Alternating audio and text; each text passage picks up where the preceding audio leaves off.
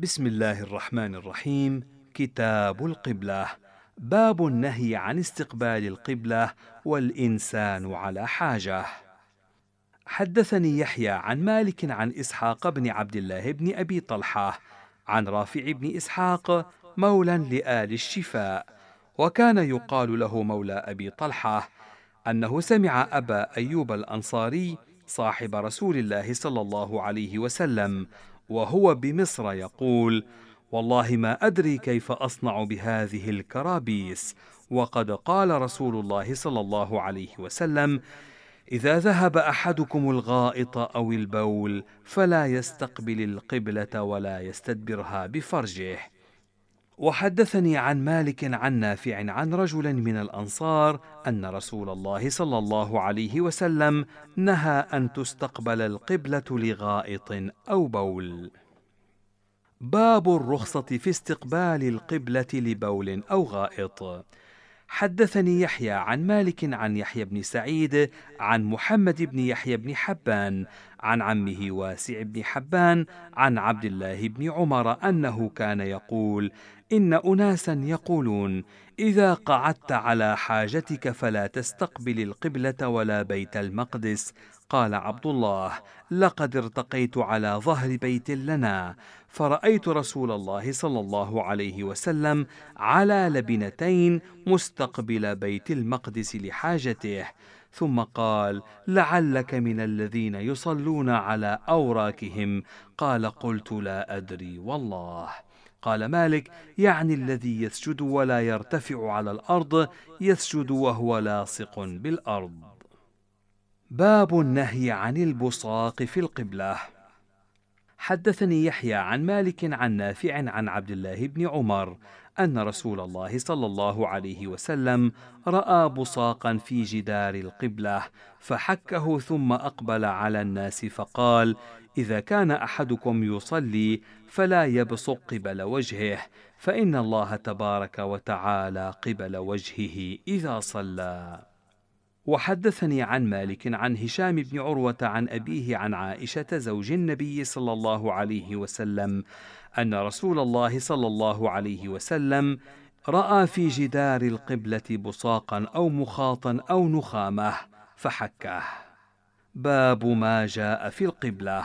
حدثني يحيى عن مالك عن عبد الله بن دينار عن عبد الله بن عمر أنه قال بينما الناس بقباء في صلاة الصبح إذ جاءهم آت فقال إن رسول الله صلى الله عليه وسلم قد أنزل عليه الليلة قرآن وقد أمر أن يستقبل الكعبة فاستقبلوها وكانت وجوههم إلى الشام فاستداروا إلى الكعبة.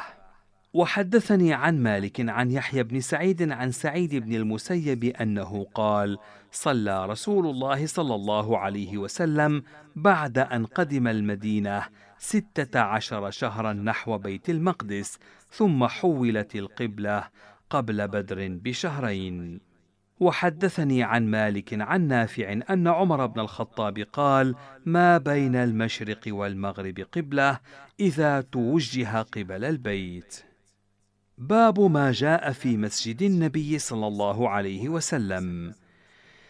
حدثني يحيى عن مالك عن زيد بن رباح وعبيد الله بن أبي عبد الله عن أبي عبد الله سلمان الأغر عن أبي هريرة أن رسول الله صلى الله عليه وسلم قال صلاة في مسجدي هذا خير من ألف صلاة فيما سواه إلا المسجد الحرام.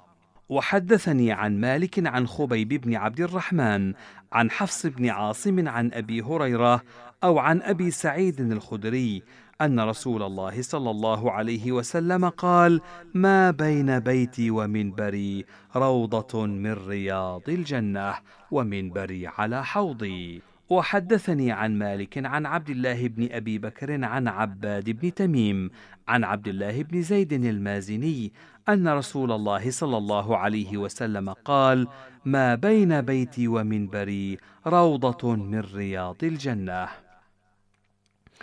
باب ما جاء في خروج النساء إلى المساجد.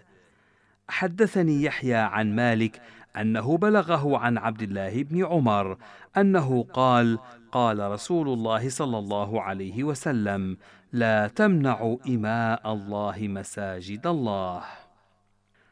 وحدثني عن مالك أنه بلغه عن بسر بن سعيد أن رسول الله صلى الله عليه وسلم قال إذا شهدت إحداكن صلاة العشاء فلا تمسن طيبا.